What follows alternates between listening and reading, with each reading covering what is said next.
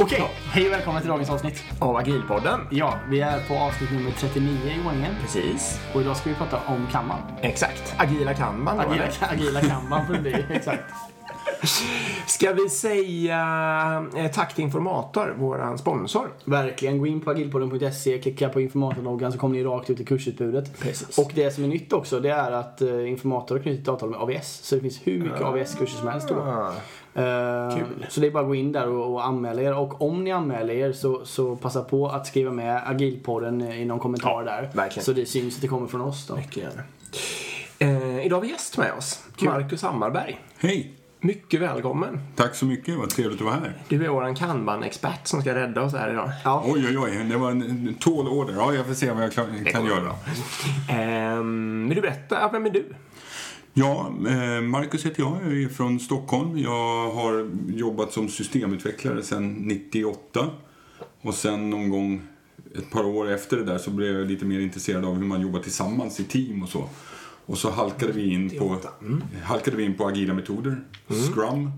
Vi valde det, jag skäms för att säga det, men jag och en kollega vi gick Scrum Master-kursen för vi tyckte det lät coolt. Det är helt dagens sanning. så här. Jag vill också bli Scrum Master. Men det var en så här, eh, fantastisk upplevelse faktiskt att bli eh, exponerad för hela den här agiltanken. Och Jag hade förmånen att gå den kursen också för Ken Schreiber som är en av de som har hittat på Scrum. Nej, som har hittat på Scrum. Ja, han var också med och skrev manifestet faktiskt. Eh, Så han och Jeff Sutherland. eh, Så det var, det var jättespännande. Och så ett par år senare så stötte jag på den här eh, utmaningarna med Scrum som jag tror att många har känt av. När iterationer liksom inte riktigt biter. Jag kan inte sluta och ta in nytt arbete mitt under iterationerna till exempel. Och, sådär. Eh, och då blev jag intresserad av en metod som heter Kanban. Eh, som är en processförbättringsmetod. Så vi ska prata lite om det, för det, där tror jag det finns en, en viss missuppfattning om vad Kanban egentligen är. Men det blev jag intresserad av och det ledde mig ganska snart in på lean-spåret också som jag jobbar med nu. Så nu, nu är det ett enda sammelsurium i Ja, huvudet ja, på mig med massa olika saker där. Eh, så det gjorde jag och för ungefär tre år sedan var jag och eh, hela min familj, min fru och tre barn, vi flyttade till Indonesien och jobbade för våran kyrka, Frälsningsarmén. Där. I två år var vi där. Och då kunde vi faktiskt också använda agila metoder och Kanban för att eh, hjälpa de sjukhus som vi jobbade med där. Så det kommer vi säkert också att trilla in på. Superspännande. Ja, verkligen spännande. Just nu håller jag på att avsluta ett uppdrag som agil coach på Spotify. Det har varit i ett och ett halvt år. Och så får vi se vad som händer sen. Ja, okej. Jag har inget eh, som är 100% säkrat än, men det är lite grej på gång. Ja. ja, roligt. Det brukar inte vara superstort problem idag att få uppdrag som agil coach. Nej, alltså, jag, jag, har, jag såg att i ett av era avsnitt har ni träffat en av mina mentorer, Woody Sully. Ja, Och eh, vi ska alldeles snart eh, kicka igång en, eh, en så, här, så kallat bootcamp, där bli JavaScript-utvecklare på 12 veckor, som vi kommer att göra helt och hållet i mobbprogrammering. ja cool. Så det ska vad bli spännande. Det Ja. är tydligen en av de första gångerna i hela världen enligt Woody då, som det används som utbildning på det här sättet. Ja. Har använts i interna kurser och så förut, men nu är det liksom helt externt. Alltså just metoden mobbprogrammering. Ja, alltså våran, våran plan. Ja, precis. Ja. Exakt. Va- Och var, är det här i USA eller i Sverige? Nej, nej, det är här i Sverige. Det är i Sverige? Ja, i Stockholm. Så det, är- det är bara några veckor bort. Oj, vad spännande. Mm, det ska bli riktigt kul alltså. Vi tror, alltså om det är någonting som är det, det som jag tycker är det största värdet med mobbprogrammering är ju att det renderar otroligt mycket lärande på ja, kort tid. Otroligt. Så det är det som är våran plan. De kommer att lära sig jättemycket, jättesnabbt. Ja, kul. Erik kör ju ganska mycket mobbprogrammering. Ja, två team som i kör mobb. Sin, ja, okej. Ja. Men precis, ni kör, ni kör det ju väldigt framgångsrikt i alla Ja. fall och har ju börjat möblera Ja, efter det och liksom få Ja. till det på något sätt. Ja, det funkar hur bra som helst. Och, är väldigt Och vi suger ju in juniora, alltså folk som aldrig i princip inte har kodat. Produktägare från verksamheten och, och även juniora personer som är nyexade som bara har läst några kurser. Ja. Och deras eh, utvecklingskurva är ju extrem. Ja, Ja. ja. det, är, ja det är riktigt coolt. Ja, det är det. Coolt. Okej. Mm. Eh, Det blir bra. Det, det blir bra. Vi, vi börjar i vad det är Kanban va? Ja. Ja, det är jättebra. Eh, Och då sa du att det är en processförbättringsmetod. Ja, det är, väl, rätt nu? ja, det är helt Ja. riktigt. Och vad är det då inte? Då är det alltså inte en... Ja, det är inte en process då, det är inte en arbetsmetod. Nej, Så-. Scrum till exempel är en arbetsmetod eller Ja. en process. Ja, just det. Så man kan inte säga som jag hör dagligdags, vi körde Scrum förut men nu kör vi Kanban. Det är liksom inte riktigt, det skär inte på den ledden. Jag tror att det enklaste sättet att beskriva Kanban är att vi börjar i för de väldigt enkla principer som Kanban Mm. bygger på. Bra idé. Och den första är faktiskt eh, börja där du är. Mm. Och det kan ju låta som en väldigt så här eh, ja, vad heter truism, någonting som alltid är sant. Hur kan man inte börja där man är? Men det finns ett en gammalt engelskt skämt om det där. En man går fram till en taxichaufför och frågar hur kommer jag härifrån till Piccadilly Circus?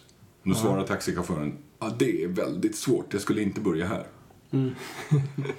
ja, och det är ju, precis så där gör vi ofta när vi implementerar nya metoder i vår verksamhet. Då kommer vi säga, okej allihopa, från och med nu, då är det Scrum som gäller. Eh, Du, du är Scrum Master, du är produktägare, ni där borta, ni är team, här är era möten, här är era eh, artefakter, ni ska göra de här. Allting har ändrat sig. Ja, och ingen fattar någonting. Nej. Eller de flesta fattar lite i alla fall. Ja, precis. Och man blir så här, hur ska jag bete mig i den här nya världen? Kan man ta en helt annan, det där är ju då någonting som vi skulle kunna kalla för en revolution. En revolutionär approach där man bara droppar in Ja. Det finns absolut tillfällen när det kan behövas, Ja. eller kanske är det enda sättet till och med. Kan man ta en helt annan approach, en evolutionär appro- approach då, där man helt, helt enkelt säger så här, vi ska börja där vi är. Vi ska egentligen inte ändra på någonting, brukar jag säga. Nej, Eh, och då kan man nästan se, när man säger det, hur axlarna sjunker på folk. För de bara, ah men vad skönt, jag behöver inte, imorgon kommer det vara ungefär likadant som idag. Så det är det första steget. Det andra eh, liksom, principen som kan man bygga på, man behöver på, inte på något sätt gå igenom det här i ordning, men det här är ett bra sätt att förklara dem. Det är det här med visualisering. Det vill säga, låt oss göra vårt arbete synligt för oss. Så allt arbete finns ju där redan, men vi, vi vill göra det synligt. Jag Ja. brukar fråga folk så här, om du, någon kom in på ditt kontor och du hade dubbelt så mycket att göra idag jämfört med igår, hur skulle man se det? Ja. Och då, den vanligaste svaret, vad tror ni det är? Att man hämtar mer kaffe kanske. Precis, att man är nervös. Ja. Att, man, att man blir så här, Ja. ja, inboxen är full och att jag är stressad, jag inte vill prata med dig. Och, Ja, precis. Men det, det är därför som vi skriver små fjantiga post-it-lappar och sätter på väggen för varje liten grej. För då skulle vi se, så här, men vänta, den här kolumnen är nog full med prylar. Eh, och, och då kan man också börja se, så här, är det ens vettigt att jag börjar med något nytt när ingenting flödar här? Eller, Ingenting rör sig, det bara stannar alltihopa i den här kolumnen här borta som heter test. Ja, och så vidare. Och allt det där kommer ju egentligen bara av att vi gör arbetet synligt som fo- faktiskt var där förut också. Mm, Jag hade ju sådär mycket att göra men jag såg det inte bara. Så det är liksom den andra principen som man har. Den tredje principen handlar om att begränsa mängden samtidigt pågående arbete. Och sträva mot ett lägre, en lägre siffra hellre än en högre men det behöver inte vara ett, det är ju inte alls säkert att det är svaret. Nej. Dock, mobb, en mobbprogrammering, har, där har du ett team som har en working process av ett. Ja, så är det. Och det är mycket av det goda som kommer ur mobbprogrammering som faktiskt har direkt med det att göra. Ja. Eh, och, och det här är ju väldigt kontraintuitivt och såklart för man tänker sig att man om man har flera grejer igång så, så blir de många saker klart samtidigt. Men det kan man visa med både matematik och många simuleringar att så är inte alls fallet. Eh, ju färre saker du gör, har samtidigt desto snabbare Högre blir flödet i Ja. alla fall. Mm. Så det, det är liksom den principen eh, som vi använder där, begränsa mängden pågående arbete. Och då kommer man osökt in på flöde, som är då den, den sista delen. Och minns nu att vi sa, ändra inte på någonting, visualisera. Vi har Ja. fortfarande inte ändrat på någonting, vi har bara gjort arbetet synligt. Ja. Sätt en begränsning på antalet, arbe- eh, antalet mängden samtidigt pågående arbete. Ja. Det betyder egentligen inte att vi har ändrat på någonting heller. Nej. Vi kan fortfarande jobba enligt samma Inte. skumma process eller vad vi nu gör. Det är bara att vi gör färre saker samtidigt. Det sista steget, det handlar om att hjälp arbetet att flöda. Det vill säga, gör om våra processer så att arbetet flödar hellre än att vi håller resurser sysselsatta. Och i det här steget då, det är här jag brukar skrämma dem som jag, eh, som jag pratar med. För här ska vi faktiskt ändra på precis allting som vi någonsin har gjort. Fast i jättesmå steg. Så små steg som möjligt. Minsta möjliga förändring för att flödet ska bli bättre. Jättebra exempel är, eh, är till exempel daily stand-ups. Ja. Där man traditionellt sett, nu vet jag faktiskt att man har ändrat det i Scrum-guiden också, men traditionellt sett i Scrum så gick jag ju runt och frågade så här, jaha Erik, vad har du gjort igår och har du några problem idag? Och så vidare. behöver gick vi vi. vidare och så gick vi runt alla personerna. Och så slutade jag som Scrum Master väldigt ofta med att slå ihop mina händer lite käckt och säga så här, har alla någonting att göra nu?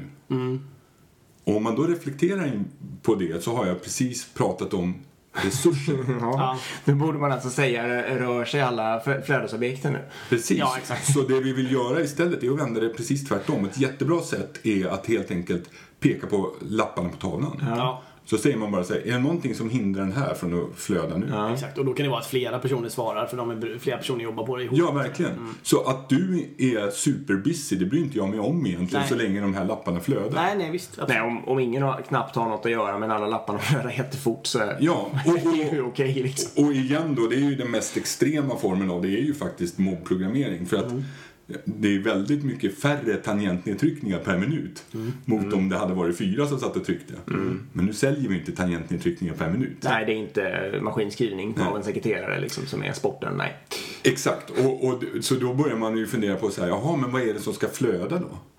Ja, det är ju då något slags värde. Ja, vad är det värdet? Hur skulle vi se det värdet? Och, och den här diskussionen är ganska intressant då, för att här har ju vi i våra organisationer nu för tiden väldigt, väldigt mycket fokuserat på att hålla folk sysselsatta. Ja. Ett annat jättebra exempel är att man säger oh, är du 40% i det projektet? Vad bra, då, har vi, då skulle du kunna vara 40 där och så är det 20 över, då kan du 10 underhålla där, på 5 10 där, och så svarar 3 till där, 2 där. Och det, det där handlar ju bara om att maximera Ja. utnyttjandet av resursen. Ja. Vilket egentligen är helt fel grej att göra när vi vill Ja. ha ett flöde. Eh, Jag läste en bok i somras som heter Skin in, nej förlåt mig, Team of Teams heter den. Den kan jag var, var, varmt rekommendera. Team of teams. Ja. Team of Teams. Eh, och eh, där pratar de om det här med taylorismen. Det som är grundläggande för det är att man tror på någonting som kallas för reduktionism. Det vill säga att jag kan bryta ner, och det här är farligt nära lean alltså, men jag kan bryta ner ett arbet, eh, en sak som jag gör i deras små beståndsdelar och så varje ja. arbetsmoment blir blir en liten, liten sak. Ja. Och så kommer man till den här Charlie Chaplin moderna tiden där han står och bara skruvar i en skruv. Ja. Och så tänkte man sig förr i tiden då att om man bara gör det där tillräckligt snabbt, om alla bara gör sitt Ja. liksom, mycket, då kommer det här att gå bra. ja, och fort och, och Ja, billigt. Och, och för enkla, ja. enkla saker som man ska göra, om man säger böja gem och sånt där, då är det säkert så det man kan göra. ja, men det är ju bara ett arbetsmoment då. Ja, Kanske. precis. Ja, eller. Men vill man ha hela flödet tillsammans måste man tänka på ett annat Ja. sätt. Då är det liksom själva arbets, arbetet som ska flöda istället. Ofta är det ju överlämningen emellan också. Det är, där, det är där man skapar ledtid. Precis. Fin, hur mycket har vi tid med det här? Det har vi nog. Ja, eh, lite snabbt. Eh, Det finns ju någon gammal historia om några japanska gubbar som hälsade på hos Ford. Eh, Kan, råkar du kunna det? Nej, Nej. det var ju synd för jag kan den, kommer inte ihåg den så bra. Men, men det, då var, poängen är liksom att eh, det här första eh, produktionslinan som gjorde T-Forden, den var egentligen, den, man kan inte säga riktigt om den var lean eller vad den egentligen var för någonting. Men, eh, men den skulle kunna vara leans ursprungs eh, liksom, idé. Och grejen då är ungefär att eh, amerikanerna själva, de såg en liksom att eh, man måste göra det här perfekt. Blir lite det du säger, att alla måste skruva på det perfekta sättet, allting måste sättas upp perfekt. Och ska man göra en annan bilmodell så gör man en likadan lina bredvid liksom. Och de, de, ja, de såg ju den sortens skalning då. Medan japanerna som var där och tittade på precis samma sak, de såg ett taktat flöde och drog en helt annan slutsats. Att här kan man ju eh, liksom förbättra varje arbetsstation för sig och dessutom börja modularisera och byta ut arbetsmomenten och få helt andra produkter utan att behöva skala upp av fler resurser eller någonting. Liksom. Och så gick de hem och började göra så. Då. Ja, och det, Sen gick det ju ett tag innan, men sen vann de ju liksom. jo, men, och det intressanta är ju precis det här med 40 år variation. senare eller något. Nej, men, men det är ju precis det med variation som blir problemet. Om, om jag bara står och drar i den här skruven, då kan jag inte dra i muttrar. Nej, det precis. För att jag har faktiskt Precis. bara liksom, det verktyget. Kompetens och verktyg Ja. och, och Och för man då över det här kanske. i IT-svängen så är ju variation i det vi vill ha. Ja, det är det. och Om, om det är någonting som någon annan har gjort redan, då kanske vi ska köpa det istället. Så, att, så att eh, det där är lite spännande att tänka på också. Men det är i alla fall Kanbans fyra principer. Precis. Börja där du är, visualisera, begränsa mängden pågående arbete och hjälpa arbetet att flöda. Mm. Och då kan vi gå tillbaka till vad är, för att då som jag lite snorkigt sa så kan man egentligen inte säga så här jag körde Scrum förut och nu kör vi Kanban. För de här fyra grejerna, de kan man faktiskt se i Scrum. Mm. Visualisering, mm. Mängden, begränsa mängden pågående arbete, det gör vi i sprintarna. Och eh, hjälpa arbetet att flöda, det är ju till exempel Daily Stand-Up är till för det. Mm. Mm. Så, så, så, man kan helt enkelt applicera de här enkla, metoden, äh, enkla principerna på vilken process som helst egentligen. Och det är mm. styrkan i. Mm. Eh, men då kan man fråga sig, jaha men om jag inte gör Scrum då utan någonting annat, vad heter det? Mm. Och där har jag börjat förklara det så här för mig själv eh, och andra eh, som orkar lyssna på mig. Eh, Scrum är ett exempel på en iterativ process. Mm. Det vill säga, vi börjar eh, med någonting, vi har en sprintplanering, vi tar på oss så mycket jobb som vi tror att vi fixar under sprinten. Och så kör vi sprinten och sen är den slut. Mm. Och då har vi en review med demo och retrospektiv. Och så börjar vi om. Mm. Under iterationen så vill vi inte ta in nytt arbete. Ja, man går... låser ju liksom scopet där. Ja, då går det liksom... Både tänka sig att ta in nytt arbete så man ökar scope är dåligt. Mm. Att tänka sig att förlänga sprinten är inte heller bra. Nej. Eh, och då, om, man, om man följer de reglerna då funkar Scrum fantastiskt bra. Mm. Och det är nog väldigt många som inte kan det om någon annan, man kanske förvaltar ett system eller så. Mm. Och det naturliga som folk brukar göra då är att man säger så här, ah, okej okay, men då får Marcus vara städ ja. person den här veckan. Mm. Eller man lägger 10% kapacitetsblockning mm, till precis. incidenter eller vad det nu kan vara. Mm. Men det är ett exempel på en iterativ metoder i och för sig. Men, ja. Ja, det, det finns massor med sätt att få det där att funka hjälpligt. Eh, och ibland till och med kanske ganska bra. Mm. Eh, men det är ett exempel på en iterativ process. Då, de är väldigt mycket med start och stopp. Eh, ett motsatt skulle vara ett flöde. Där man egentligen bara har en lång lista av saker man gör och så bara plockar vi vartefter och, så länge som vi har kapacitet. Mm. Och då sköter vi om kapacitetsbegränsningen med någon annan typ av eh, mekanism då, typiskt en WIP limit, alltså working mm. process limit. Alltså det är hur många saker man får göra i parallellitet? Precis, och, och, det kan implementeras på väldigt många olika sätt. Man kan tänka sig att man har en kolumnbegränsning som man säger så här, i den här kolumnen får det aldrig finnas mer än fem saker igång. Mm. Eller att man säger på hela tavlan får vi aldrig mer än fem saker igång. Mm. Min favorit Whip Limit kommer från Tradera där jag jobbade för fyra fem år sedan. De hade den här regeln. Never code alone. Mm. Boom. Mm. Problemet är löst. Mm. Så du fick vänta tills någon annan kunde hjälpa dig med den här lappen. Mm. Och då, ja, vad var whip-limiten? Ja, är vi sex stycken så var whip-limiten tre. Mm. Är vi tolv så var whip-limiten sex. Och så, så körde de och det, det balanserar ut sig ganska bra. Mm. Eh, så någon slags begränsning då. Och skulle man föra tillbaka det till Scrum skulle det betyda att om vi tog bort den där begränsningen i ett flöde så skulle det vara som att vi har en, eh, ett, en sprint utan slut. Mm. Mm, mm. Eller att vi bara tar in hur mycket jobb vi vill mm. under de här två veckorna. Mm. Så det är det vanligaste jag ser när folk lämnar iterationer är att de inte sätter in en whip limit. Och det är ett stort misstag för då finns det inget som ställer frågan liksom så här Ska jag börja med något nytt eller ska jag jobba med att avsluta ah, den här? Okay. Jag undrar bara, vad, vad kallar du eh, eh, om Scrum är en metod ja. och det, det, här som många människor där ute skulle kalla för en kanban-metod. Ja. Vad kallar du det? Kallar du, du det flö, du, nu flödesmetoden då eller? Ja, jag brukar bara säga att det är en flödesorienterad approach. Om man frågar. Så det, ja. den, den har ju inget namn. Eh, alltså, metod, och det är väl rätt för att den fungerar ju för oss nu i den här kontexten. Mm. Om vi tänker oss att vi tre skulle starta ett team mm. för att bygga någonting eller skriva någonting så skulle vi jobba på något visst sätt för att det är vi tre som har de här timmarna att spendera just nu. Då skulle mm. vi sätta upp en sån process. Du kanske är jättebra på att eh, redigera och, och rätt stavningskolla och, och sådär. Mm. Så kanske du naturligt hamnar där. Men sen kommer en ny person in här. Då kommer vi att modifiera vår process. Mm. Eller eh, om vi kommer på att vi skulle kunna göra på något annat sätt så ja, det kanske är bättre att vi skriver ihop Mm. När vi, vi börjar med att sätta upp stolparna ihop, ah, det är bättre. Då skulle vi modifiera vår process. Mm. Så vad det heter är ju inte så viktigt egentligen. Nej. Men under tiden så använder vi de här enkla principerna som vi räknade upp för Kanban. Då. Mm. Vi har en begränsning på, på antalet saker som vi gör samtidigt. Vi visualiserar våra grejer så att vi tydligt ser vad vi har framför oss. Och vi jobbar kontinuerligt med att se till att flödet blir snabbare. För, ja precis, bara säga det här, för jag tror jag har också team som kör kanban, som kallar det för kanban.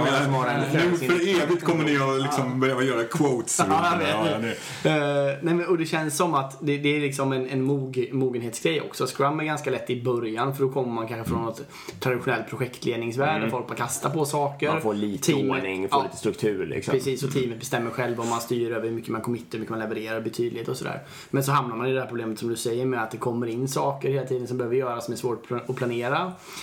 Och så känner jag också, efter ett tag så kanske inte den här, när teamet väl sätter liksom själva committen mot vad de faktiskt levererar, när man hittar den farten, då kommer ju den personen som är produktägare och eller verksamhet som följer upp detta kommer ju börja lita på teamet och inte följa upp det lika mycket heller. Och då kommer det inte vara lika viktigt heller hur mycket committar man, hur mycket levererar man, utan det blir bara en ständig takt. Liksom. Ja, ja, visst. Och då tycker jag det är vanligt att folk går över till kanban. Ja. Du menar till en flödesorienterad metod? Exakt. Ja, och det, det, det det, är det jag menar bara, det är väl tydligare här då att det är precis det vi pratar om alltså att man har egentligen, eh, man tar in saker hela tiden kontinuerligt eh, och sen så levererar man när det är klart liksom. Ja. Eller hur? Och, och då finns det ju en del sådana här, man ska ju inte bara eh, lägga till det liksom, för att det, det är väldigt lätt så att man känner så här, "Nej, men nu ska vi ditcha allt vi gjorde i, i Scrum. Mm. Det kan man absolut inte göra.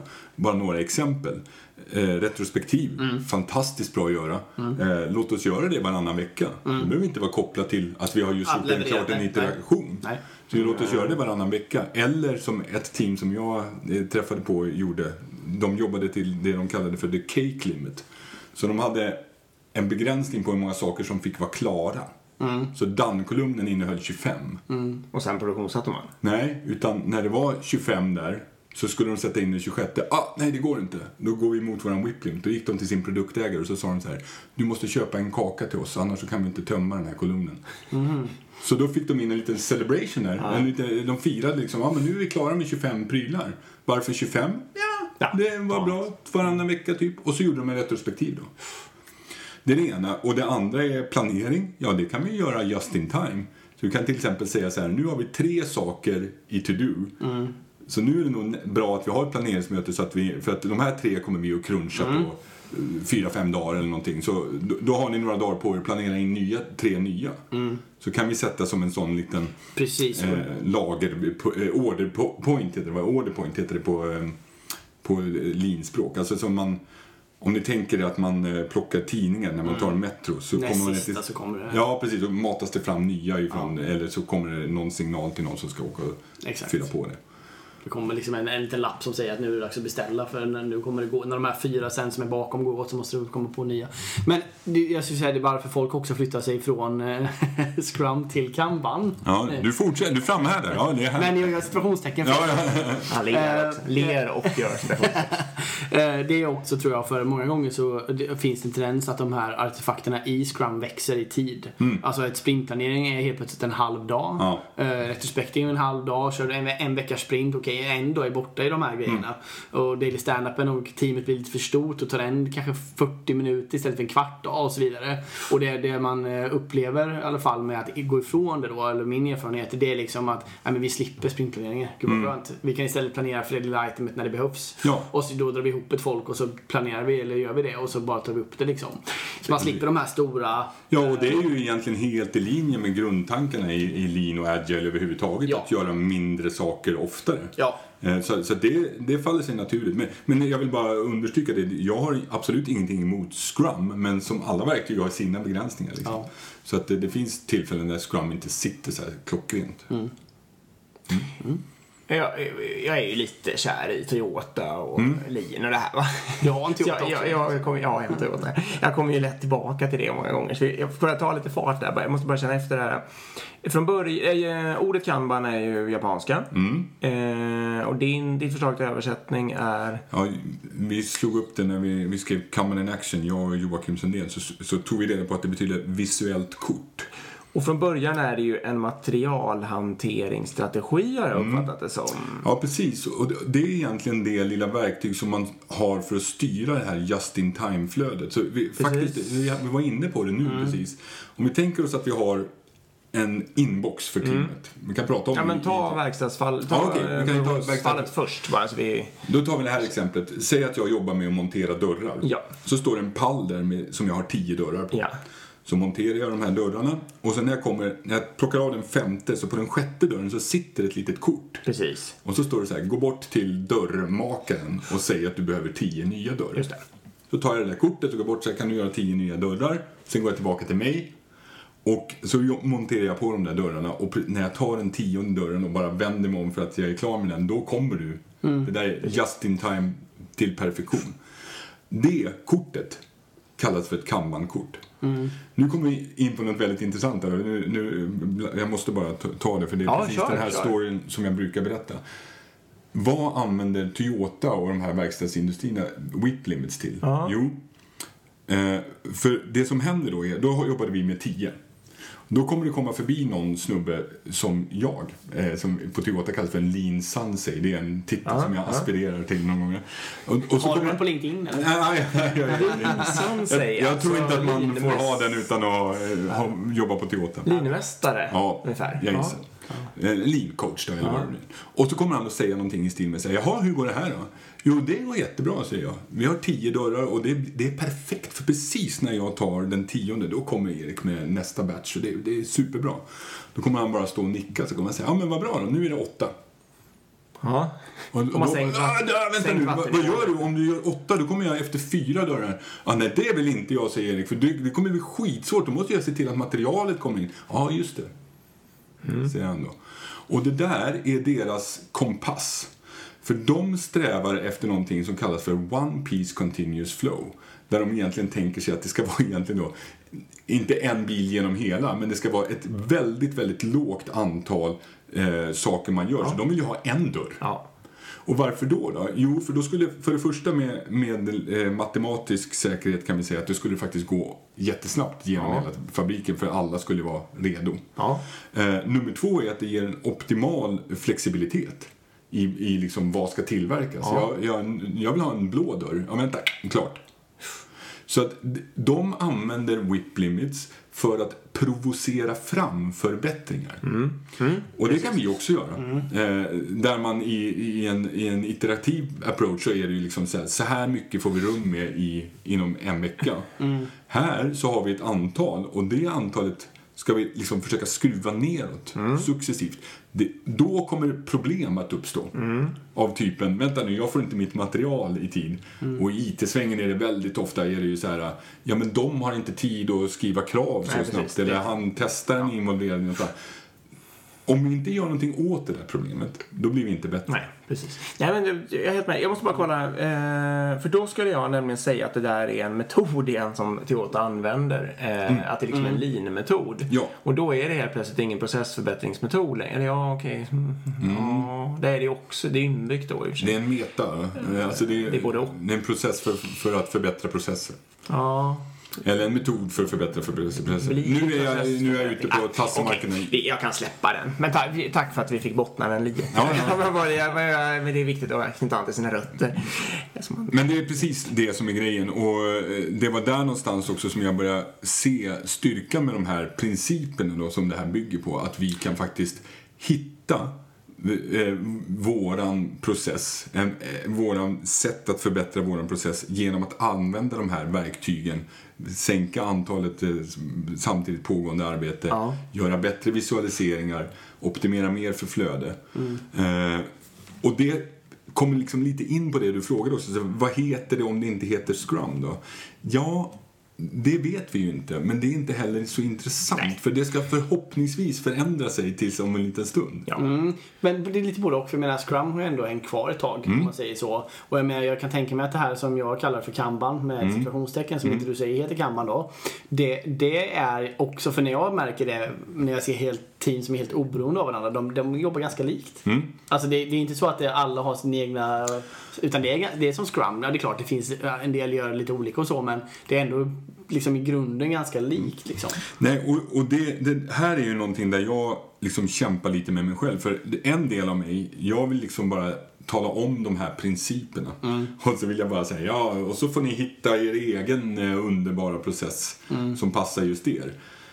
Det funkar inte för att om, jag, om du bara droppar de här principerna i knät på folk, även om du ger dem eh, eh, liksom en bättre introduktion, så kommer inte de veta eller kunna liksom, vad ska jag göra imorgon? Mm. Och det jag har insett var att man, man kan inte göra en princip. När du väl gör någonting så är det liksom en, en praxis då på svenska, en practice. Mm. Eh, och då måste man kanske ge dem lite verktyg. Så, ja, men så här skulle tavlan kunna se ut. Ja. Men samma sekund som du gör det mm. så finns det en jättestor risk att det blir så här. Mm. men Marcus sa, jag, jag har hört det här. På, så här varför någon frågade när jag gick förbi. Mm. Så var det någon i ett team som frågade en annan i teamet så här, varför har vi bara sex i den här kolumnen? Och då tänkte jag, nu, nu det här blir spännande. Mm. Och svaret var, ja, Marcus sa att det skulle vara sex. Mm. Och jag bara, åh nej, gud. Helt fel. Alltså de hade ju inte tagit till sig, eller jag har misslyckats med att beskriva vad, vad den var till för. Ja. För de var, de var liksom fyra när vi började. Då kanske det var bra att ha sex i den ja, nej, visst, Och nu var de fem personer. Då kanske skulle ha haft tio i den kolumnen. Ja. Inte vet jag. Ja. Uh, men, men hela tiden att hitta det här som gör att vårt arbete flödar på ett bra sätt. Liksom. Mm. Eh, så, så det, är, ja, det är det som jag har fått väldigt mycket ut av att använda Kanban just för att optimera den process som vi nu råkar ha. Mm. Okej, okay, cool. Mm. För uh, om vi tittar då på, vi har pratat en del om hur, hur det används i systemutveckling. Mm. Uh, men om vi sen, för du har använt det utanför systemutveckling också? Ja, precis. Och eh, jag använder ju det i ett område som jag aldrig trodde att jag skulle vara involverad i. Och det var ju då för management på ett sjukhus. Eh, så då får vi backa lite. Oh, Varför jobbade jag på ett sjukhus? Kan man fråga sig. Det skulle mm. jag inte, jag skulle inte lita på mig själv där ens. Eh, men det var så att jag och min fru, vi bestämde att vi skulle åka till eh, och jobba för Frälsningsarmén. Så vi ringde till Frälsningsarmén internationellt och sa vi vill erbjuda våra tjänster här. Min fru Elin, hon är sjuksköterska. Och mig visste de inte riktigt vad de skulle göra med. Så här, ja, du kan väl typ hjälpa till med datorerna typ. Eller prata med chefen. Och så. Ja. så de och kom till Indonesien. där eh, Frälsningsarmén har eh, sex sjukhus och 17 kliniker. Och det jag skulle hjälpa dem med, jag blev lite som en managementkonsult där kan man säga. Jag hjälpte sjukhusledningarna på de här sex sjukhusen att ta fram eh, strategiska planer. Det var ganska lite sånt, de levde väldigt reaktivt. Ja. Det där framskred rätt långsamt för att jag fick ingen riktigt förtroende där, vilket jag kan förstå. Liksom, de var ju, Kommer någon utifrån? Ja, precis. Det var en jättelustig upplägg egentligen. Men då hände det någonting. Och då var det så att det sjukhuset som låg allra närmast i samma stad som vi bodde, eh, de hade jätteproblem. Eh, och de problemen var så här, de tjänade inga pengar. Mm. De tjänade så lite pengar så de kunde faktiskt inte betala sina räkningar i tid och ibland kunde de inte betala lönerna heller. Det var nära bankrutt helt Väldigt nära bankrutt. Konkurs. Och de hade liksom fem patienter och de var 120 anställda. Mm. Så att det var, de, de, de hade helt enkelt för lite att göra. De hade för lite om, omsättning. Mm. Det var det ena problemet. Det andra problemet var att de betalade, de lönerna som vi faktiskt betalade ut, de var för låga. De var alltså under minimistandard och det är ju brottsligt. Mm -hmm. ah, okay. Så att de behövde helt enkelt höja kostnaderna. Yeah. Vilket var väldigt svårt för dem när de inte tjänade några pengar. Mm. Nummer tre var att de hade inget operationellt tillstånd för att bedriva sjukhusverksamhet som var förnyat. Okej, okay, ja. ja. De hade ett. Ja, de jobbade på drömläge, ja, ja, de hade en sån här probation. Du, du har inte börjat uh, Och så, så det var grundläget och vi hade tänkt att vi skulle hjälpa dem lite grann med, med det här management men det, var, liksom, det tog inte riktigt. Det var samma sak där. De, vi har gjort det så här förut, de vill inte riktigt lyssna på oss. Då gjorde de ett stort renoveringsprojekt där de tog av, bytte taket egentligen på, på den andra våningen på sjukhuset. Men när de gjorde det så var det en liten, en liten glitch. Så det var en eh, oh, vad heter det, contractor, en konsult. Leverantör? En, ja, en leverantör som tog av taket och så skulle en annan sätta på taket. Ja. Och där, de, det glitchade så det var en veckas... Eh, Utan tak? Ja. Och under den tiden är det regnare. Ja. Så när jag kom tillbaka från en semester så kom jag till ett sjukhus som inte har något tak och jag vet att det har regnat mycket. ja. Så jag går upp till andra våningen och så bara ser det ut som att en tsunami har dragit fram. Så den, den leverantören som hade tagit av taket hade bara kastat ner den på andra. För han skulle inte städa upp det där. Nej. Sen har det regnat så att det är liksom ett tjockt lager med mögel. Så jag står där i liksom vatten upp till anklarna på andra våningen i ett sjukhus. Ja, hemskt. Och då bara känner jag så här, nej men det här går inte liksom. Det här sjukhuset har dött. Så kommer jag ner när jag liksom har hämtat mig. Jag, jag, det, det varit verkligen en chock för mig. Jag, jag liksom bara segnade ner där på knä. Eh, Men så till slut så fann jag mig, så gick jag ner igen. Och då möter jag direktören som inte har varit uppe på andra våningen. Ja. Hon är en ung kvinna, väldigt osäker, eh, oerfaren och osäker ledare. Ja. Och jag bara ser i hennes ögon så här. Och hon säger till mig så här, vad ska vi göra? ja. Och då är hon öppen för att få hjälp. Liksom. Ja, precis. Och då, och då helt plötsligt fattar jag så här, oj, hon frågar mig Ja. vad vi ska göra nu. Så, så jag liksom, ja, utan att tänka så börjar jag säga, ja, men vi, vi gör en tavla med våra aktiviteter. Och så började vi göra det. Och, och så, ja men vi ska inte göra så många saker samtidigt. Så här, vi, vi, vad är de viktigaste prylarna? Så här, ja, det måste vara säkert att ens vara i sjukhuset. Ja. Ja. Och så började vi så väldigt enkelt. Och det här var en whiteboard. Ja, whiteboard, whiteboard, lappar eller, eller bara skriva direkt på. Vi skrev direkt på whiteboarden för att eh, eh, en, en packe post-it kostar motsvarande 700 kronor. har jag räknat ut. Så att det, det, var, det var liksom Det var inte att tala om. Ja. Men pen, whiteboardpennor? Whiteboardpennor funkade. Och sen hade vi ett eh, sån här, eh, vad heter det, aloe vera och gjorde ren tavla med. Det, det använder de till allting. Ja. Mygg, Ja, ja. Myggbett och magont och tavlor. Ja. Eh, och eh, där någonstans så, så började då en resa som på ett och ett halvt år tog oss ifrån det här ganska, ganska svåra läget, ja. till ett läge där vi faktiskt tjänade pengar varje dag, betalade rätt löner, hade tillstånd att bedriva sjukhusverksamheten och bedrev management med någon slags lean startup-tanke, hypotesdriven management. Det tog bara ett och ett halvt år att komma dit. Och liksom det som drev fram alltihopa det här, det var Kanbans principer.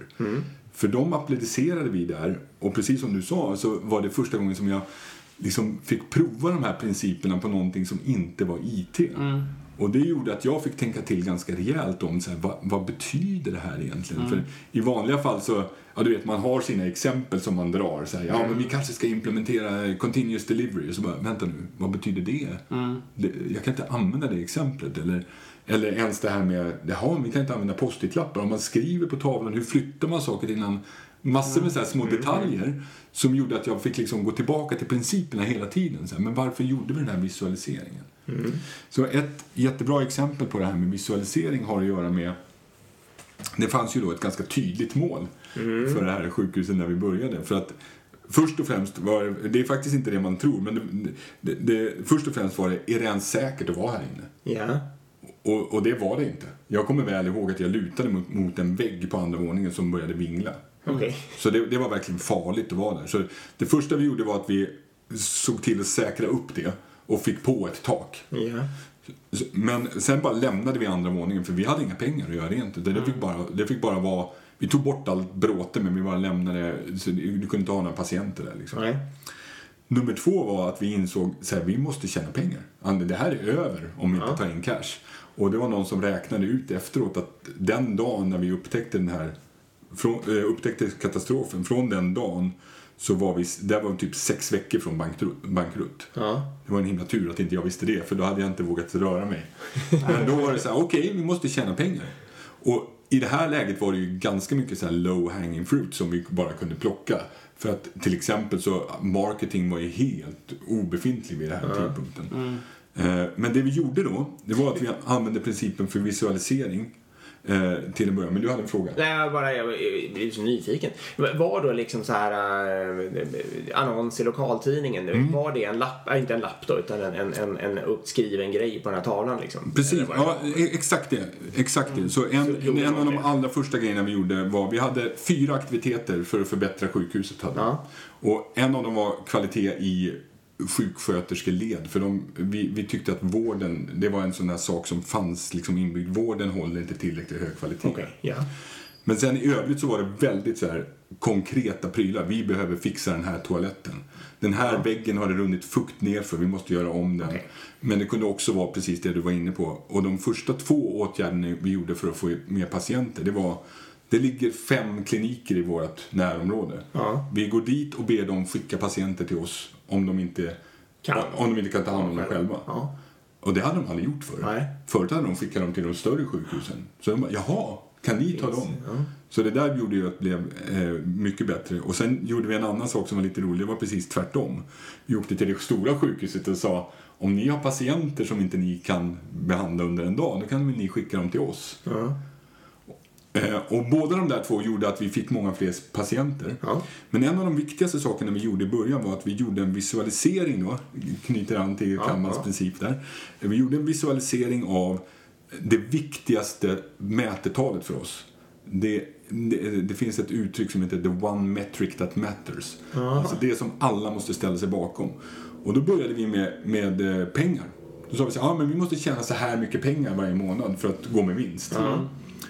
Det där betydde ingenting för de som jobbade där. För i Indonesien är det rupis och du vet det var någon så här 12 triljoner rupier per ja, ja, ja, grepp. Ja, så då sa vi okej, vi Vilken bryter ner det per dag. Ja. Då blev det 12 miljoner rupier per dag. ja, det gick att se då. Ja, men det kunde de ändå inte ta till sig för Nej, de okej. som jobbade där i tvätten till exempel. De tanterna där, de tjänade 2 miljoner rupier i månaden. Så 12 miljoner Som jag sa så här, nu ska vi ta in 12 miljoner om dagen. De bara helt över huvudet.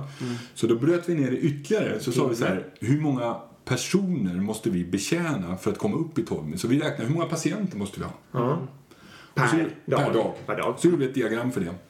Och då hände något väldigt spännande för då sa vi så här, vi behöver 134 patienter, vi är på 70. Ja. Ja, ja. Och de blev bara, och då, och då tänkte jag så här, nu kommer de bli chockade. Ja. Men då, det blev ingen reaktion alls. De blev helt totalt blanka i ansiktet och jag blev väldigt förvånad. Men då eh, blev jag också arg för att de inte reagerade. Så jag ritade in en ny linje som var då break-even. Ja.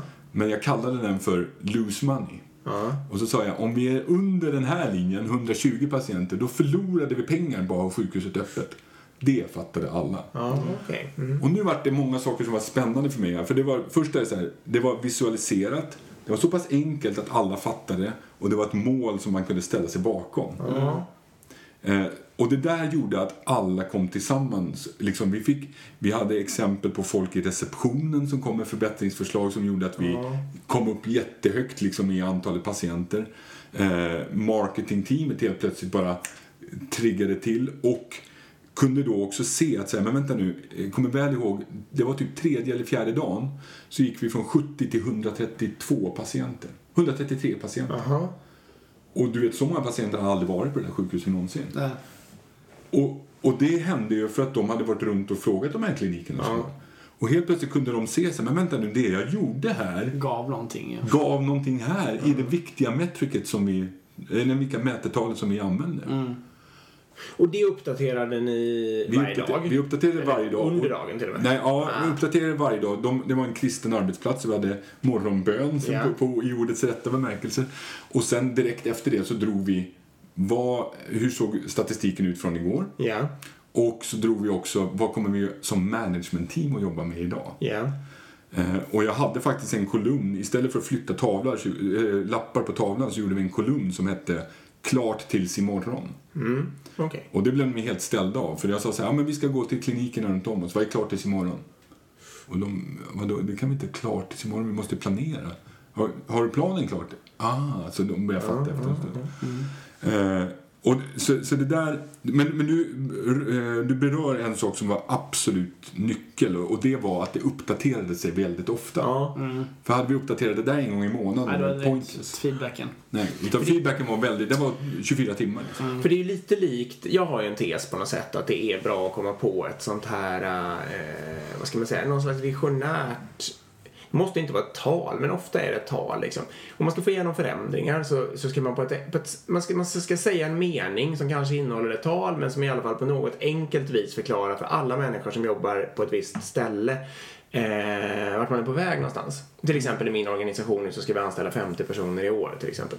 Det, nu sa jag det liksom, det är en mening. Alltså fem, det är lätt att räkna till och man kan kolla hur många man har, har Ja. anställt. Ja, det går ju att mäta. Precis. Det går och det är egentligen precis den här Det är tesen exakt som det. du kör. Och så inte hålla på eh, då med att ha stora kopiark och sånt där med 20 såna här värden och så vidare. För då är ju värdet utraderat. Liksom. Ja. Ja, det, nej, det är precis det. Och det som, det som jag... In, alltså många av de här sakerna gjorde jag ju bara i stridens hetta. Jag hann inte tänka efter så mycket. Nej, vi fick gå på Men- men- maggrop. Ja, precis. Och, men, men, och det, och det, är ju Det då, räckte tydligen. Eller det, ja, nej, det, jag, det jag märkte var att de här principerna guidade mig. Ja. För jag var, ibland var det bara så här, jag vet inte men vi ska göra färre saker.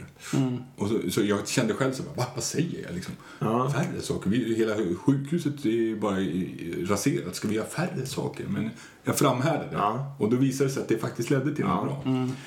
Eh, så, eh, så det är lätt att tro så här, när man berättar om det i efterhand så kan man ju väldigt lätt komma ut som att jag hade någon plan. Ja, här. men, men så var det inte, utan Nej. de här principerna guidade mig. Vad hade ni för VIP-limits förresten för management-teamet till Vi exempel? hade fyra saker som vi pysslade Och med. hur många människor var teamet? Teamet bestod av, det är lite svårt att säga, men man kan säga att vi hade, säg att vi var fyra funktioner och sen representerades alla avdelningar med en eh, sjuksköterska. Ja, okej. Så, och de var ju med där för, för information Ja. än, eh, än att de faktiskt exekverade. Men så det var fyra personer som liksom jobbar heltid i management-teamet? Ja, fyra, fem. Jag kommer inte Ja, exakt ja, ja, ihåg hur men, men, var, i princip hade ni en grej per eh, individ? Ja, fast det ska inte riktigt på det sättet. Jag skulle snarare säga att vi hade kanske en marketingaktivitet som två jobbade med. Och sen så var det liksom två, två stycken så här äh, rent fysiska förbättringar. Ja. Vi, vi måste Ja, ja. bygga om rum se- 16. Ja. Ja. Nej, men jag bara försöker se lite Ja, framför mig nej, vad men- det är för storleksordningar vi pratar om. Ja. Jag fattar också precis. Otroligt spännande är ju också hur funkar det idag? Mm. Har du någon koll på det? Ja, Ja. Eh, så det som var så häftigt, det var ju att eh, efter ett och ett halvt år som sagt så eh, flyttade vi hem igen. Och då, då gick sjukhuset som tåget. Då hade de verkligen tagit sig liksom långt.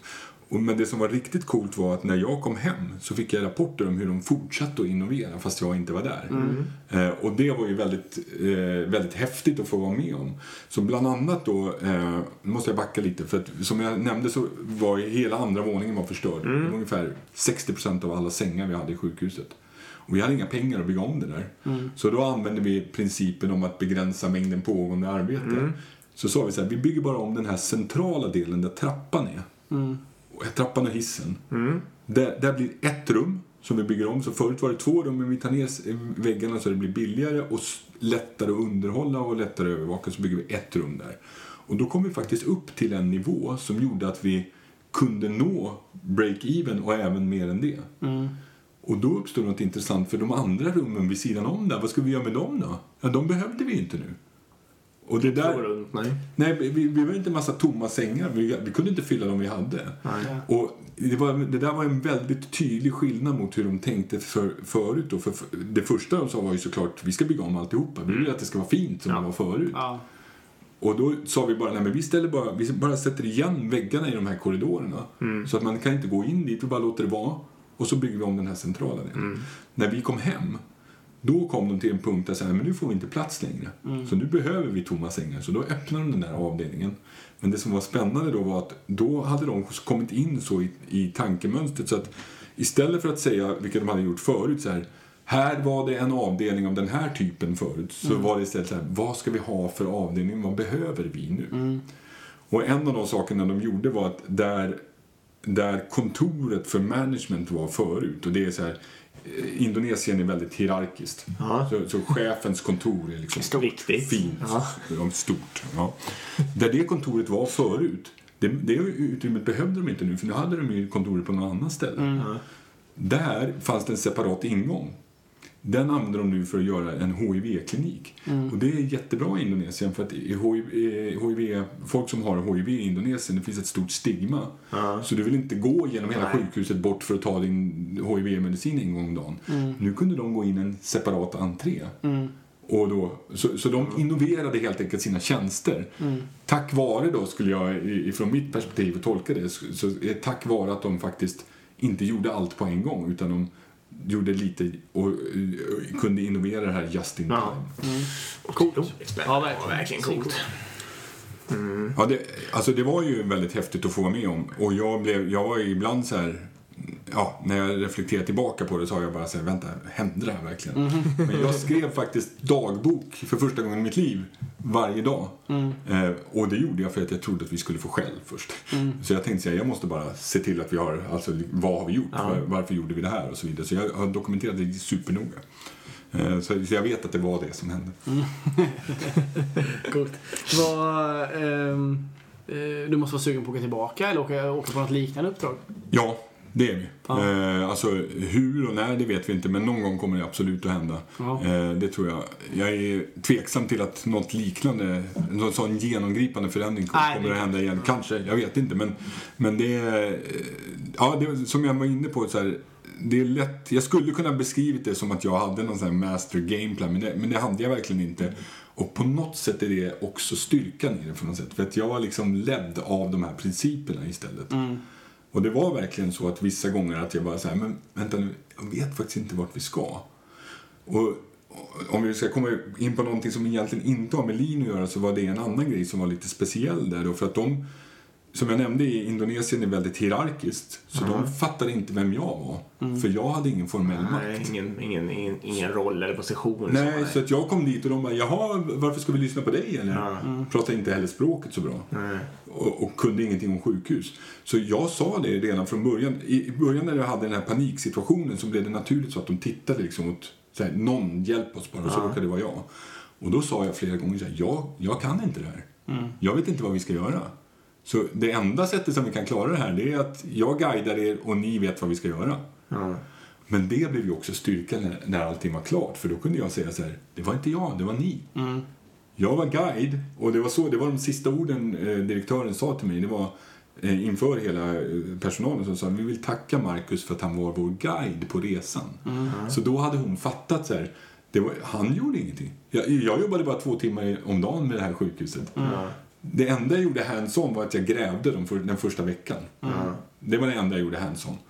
I övrigt så gjorde jag ingenting. Jag gick runt på sjukhuset och sa hej till alla i personalen. Mm. Jag, jag såg till att de följde sina whip limits. Jag såg till att vi hade progress på våra prylar så att vi inte stannade upp då. Mm. Och, och det, det, var ingen annan som gjorde så det, det var absolut användbart. Men, men jag implementerade, jag skrev inte på ett papper. Jag, jag byggde ingenting, jag kom inte med några förslag.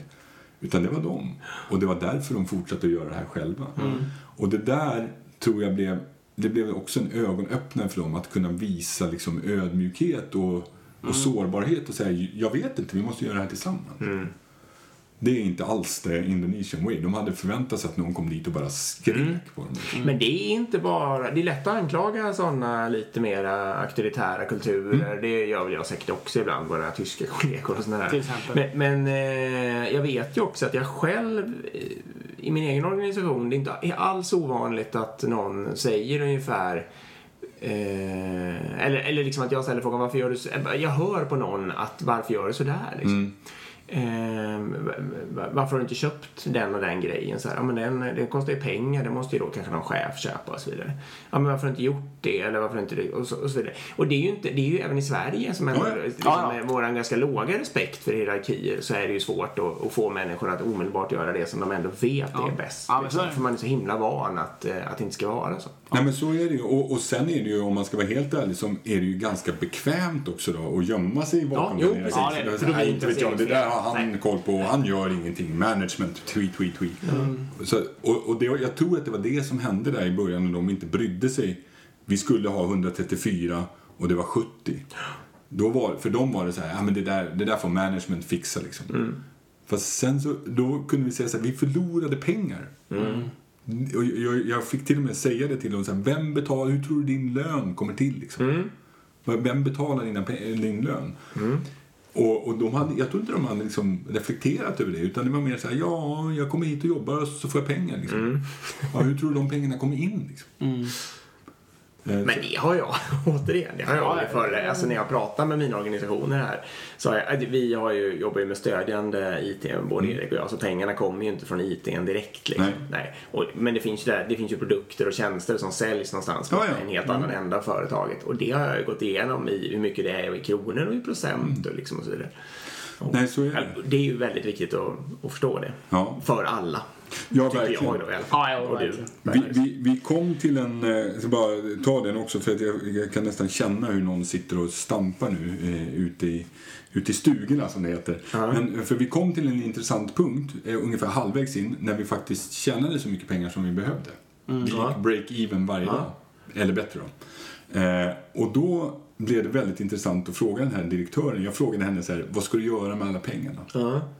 Och hon blev helt ställd. För hon hade aldrig reflekterat över att man kunde ha tillräckligt med pengar. Ja. Nej, det har alltid varit ett problem liksom. Ja, verkligen. Det här var, det fick jag också veta i efterhand, men det här var ju alltså slutet på en nedåtgående spiral som hade hållit på i kanske tio år. Ah, okay. Eh, men i alla fall, då insåg vi så här, vänta, syftet med ett sjukhus kan ju näppeligen vara att tjäna så mycket pengar som möjligt. Troligtvis inte. Ja, det, det kan ju finnas sådana sjukhus också som är ja. uppsmäckade på det viset i och för sig. Ja, men, för, men, inte Frälsningsarméns eh, sjukhus nej, kanske? Nej, då, då sa jag till, eh, till personalen så här, ja, för i sådana fall, om vi ska bara tjäna så mycket pengar som ja. då ska vi skicka hem patienterna för tidigt. Precis. För då kommer de tillbaka en stund. Ja. ja. Men så då börjar vi inse, men vänta, nej, det är inte, vi, vi måste tjäna pengar. Okej, jag fattar, vi måste tjäna pengar eh, så att vi klarar oss. Sen måste vi ha kvalitet i vår tjänst. Mm. Liksom. Vi måste ju vårda till en viss kvalitet. Mm. Hmm. Personalen behöver vara, trivas här, mm. annars så kommer inte det här att hålla under lång tid. Och sen precis det som du var inne på, eh, det här är ju ett frälsningsarmé-sjukhus. På något sätt borde väl det synas, för Frälsningsarmén är en kyrka. Så vi började prata om någonting som vi kallar för pastoral kvalitet också. Mm. Och då blev det väldigt spännande, så här, hur ska vi mäta det här? Liksom? Mm. Och då läste jag en bok, jag ska inte gå in på det men den kan jag också varmt rekommendera, som heter How to measure anything. Uh-huh. Och väldigt kort så kan man säga så här, om vi tänker oss att vi har, det här var det mest, det exemplet som stack ut mest. Om, om Indonesien är hierarkiskt så du ifrågasätter aldrig chefen, men den person som du definitivt aldrig ifrågasätter är pastorn. Okej, okay. ja. då, då går du emot Gud mer eller mindre. Uh-huh. Och nu sa jag jag skulle vilja mäta pastoral kvalitet, sa jag till pastorn på ja. sjukhuset. En, en äldre kvinna då, med väldig dignitet och auktoritet. Eh, då, då har han, eh, Dr. Hubbard heter han, som har skrivit, eh, skrivit How to measure anything. Han har ett bra tankeexperiment. Han säger så här. Låt oss säga att vi har det här sjukhuset som vi har här nu och så gör vi en klon av det. Uh -huh. Vi har två parallella verkligheter. Uh -huh. Och så i den ena klonen så tar vi bort pastorn. Uh -huh. Så har vi ett sjukhus med pastor och ett utan. Och så kör vi dem bredvid varandra i sina parallella ja, verkligheter. Kontrollgruppstänket ja. helt enkelt. Ja, i ett år. Mm. Vad är skillnaden? Ja. Om det inte är någon skillnad, varför har vi en pastor? Nej, då är det precis dumt. Den tankeställaren gjorde att hon bara så okej, okay, kom tillbaka tre dagar senare jag vill att ni mäter mig på det här. Ja. Och det var inte kvalitet, det ska jag understryka, för det är ganska pastoral kvalitet, vad är ens det? Liksom? Mm. Men det var så här, hur många av dem som eh, ligger inne hinner jag ens träffa? Ah, okay. mm. Hur många får ha ett, som vill ha ett andligt samtal? Det var ju, det var ju unikt för mig som jobbade i IT-svängen, men det dog ju och föddes ju människor på vårt sjukhus varje dag. Mm. Så det var ju ganska häftigt att få mm. leva i det. Men hur många som vill ha ett andligt samtal för att de är av någon anledning oroliga, mm. hann jag med? Mm. Be, liksom, möter jag servicebehovet här? Så, så det började vi tracka. Och då helt plötsligt fick vi en mycket mer nyanserad bild av vad målet är för mm. sjukhuset. Du var inne på KPI. Mm. Skulle man kunna kalla det kanske, men vi gjorde bara ett väldigt enkelt så här, spindeldiagram. Mm. Ja, men det är ju en slags... Ja, där vi bara typ, det här, de här grejerna vill vi allihopa mm. att de ska nå. Men ni var ju då väldigt nära det För man blir ofta drabbad av det här, det vet ju Erik också. Med, eller vi blir ofta drabbade av det, liksom, att det ska mätas. Mm. Och det krävs att det ska mätas. Men man får ju ofta i och för sig föreslå vad man ska mäta då. Och jag försöker väldigt ofta att föreslå saker i stil med kundnöjdhet mm. eller brukarnöjdhet. Och det var egentligen precis det spåret ni Det var det vi gjorde för kvalitet. Mm. Det finns ju en del åsikter om det det mätetalets att man kan inte, ja, jag har sett många som liksom börjar kritisera det här, NPS och sådär. Mm. Men för oss var ju det en MP. NPS, Net Promoter Score, alltså skulle du rekommendera den här tjänsten ah. till någon annan? Mm. Eh, och den kan man även mäta för eh, medarbetare. Skulle du rekommendera den här arbetsplatsen för någon mm. annan? Mm. Men, men där blev jag också varse om att det är ju KPI, alltså indikator, Key mm. Performance Indicator det är ju inte värdet i sig. Det är Nej. ju indikatorn ja. på värdet som mm. vi mäter. Så att om, om våran kundnöjdhet är superlåg, då är antagligen inte kvaliteten bra. Nej. Om kundnöjdheten är jättehög så är antagligen kvaliteten ja. okej. Okay. Och framförallt om trenden är uppåtgående så Exakt, är ju det roligt. Det. Liksom, så att säga. Jag bryr mig inte om att det var 3,7 eller 3,9. Jag vill se vad det är ja, på väg. Ja. Och hur det går historiskt. Ja. ja. Så, så det, där var, ja, det där var väldigt spännande att få uppleva i en helt annan värld. Ja, det låter otroligt spännande. Mm. Verkligen. Och då gick du loss med de fyra principerna ska vi. Jag tror ni jag klarar av det här. Bör, börja där du är. Ja. Eh, visualisera. Eh, begränsa mängden pågående arbete. Eh, och förbättra flödet. Ja. Klockrent. Vackert. Du, Jobbet du är nu. Kam, Kanban Master Certified. Det är bara att byta LinkedIn-profil. ja, precis. Ja, grymt. Ja. Ska vi ta och runda av då? Ja, ja. Eller något mer du känner att du vill eh, eh, toucha på innan vi rundar av? Nej, jag tycker vi har varit eh, lite överallt som jag anade att det skulle Ja. bli. Men vi har utgått ifrån Kanban och de här principerna. Så det, och det är det som jag väldigt ofta gör själv också. Mm. Både, I både dagliga livet men även i, framförallt i arbetet. Mm. Det vi kan säga också det är att du har skrivit en bok om detta. Ja, precis. Den, jag har skrivit en bok om det här indonesiska sjukhuset som Ja. precis har kommit ut. Eh, kom ut på nationaldagen förut. Ja. Så den, är, och den heter Salvation, the Bung Su Story. Mm. Bung Su är namnet på sjukhuset. Så det heter. Lite roligt har jag inte nämnt någon annanstans men det finns en dokusåpa som heter The Bung Su Story. Jaha. Så, Oj, ja, jaha. som är sån här, eller sån här, nej förlåt, inte dokusåpa, asiatisk såpa, någon sån här sitcom Ah, okej. typ. Jaha, all right. För bungsu betyder typ eh, minstingen i familjen. Ja, okej. Så att, eh, Eh, men om man googlar på Salvation, the, The Bungsu Bungsu story. Story. Jag kan skicka en länk till det där. Då hittar man det. Jag vet inte vad alla lyssnar här nu, av eh, Marcus Hammarberg. Ja. Eh, då kommer man hit. Och var köper man den? Det kommer dyka upp. Man kan köpa, eh, Amazon är det just nu, men det, det finns eh, andra ställen att köpa den på också. Vi Mm. Till håller på och pratar med svenska ställen också. Så, Ja. Mm. Spännande.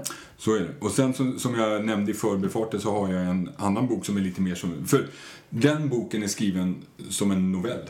Eller som en roman. Jag vet Ja. inte vad skillnaden är. Men, eh, eh, så, så den är liksom tänkt att man bara ska kunna läsa även om man inte känner till det här överhuvudtaget. Eh, det är lite som The Goal, fast på riktigt. Eh, och eh, eh, sen har vi, jag och Joakim Sundén skrivit en bok för, för lite tidigare, 2011 eller 12 tror jag den kom ut. Som heter Kanban in action, som är mer som en textbok. Som liksom går igenom de här principerna ganska djupt då. Och som handlar om hur man applicerar de här. Men det, den är väldigt mycket IT. Ja. Så eh, även om de här principerna inte har det bara med IT att göra så är den väldigt gerad eh, mot IT. Då. Kanban in action. Kanban in action heter den. Den kan man också köpa, ja, den kan man köpa nästan överallt. Ja. Eh, Så den finns på Adlibris till exempel. Och Bokus och så. Om, eh, ja, nu, det här kan jag ju få fan för förstås. Men om jag har rätt här så är väl alltså en novell en, eh, kortare och en roman längre. Ja, Är det enda skillnaden menar du? Ja, jag tror det. ja jag tror och det också. roman heter väl novel på engelska, vilket skapar förvirring för oss svenskar.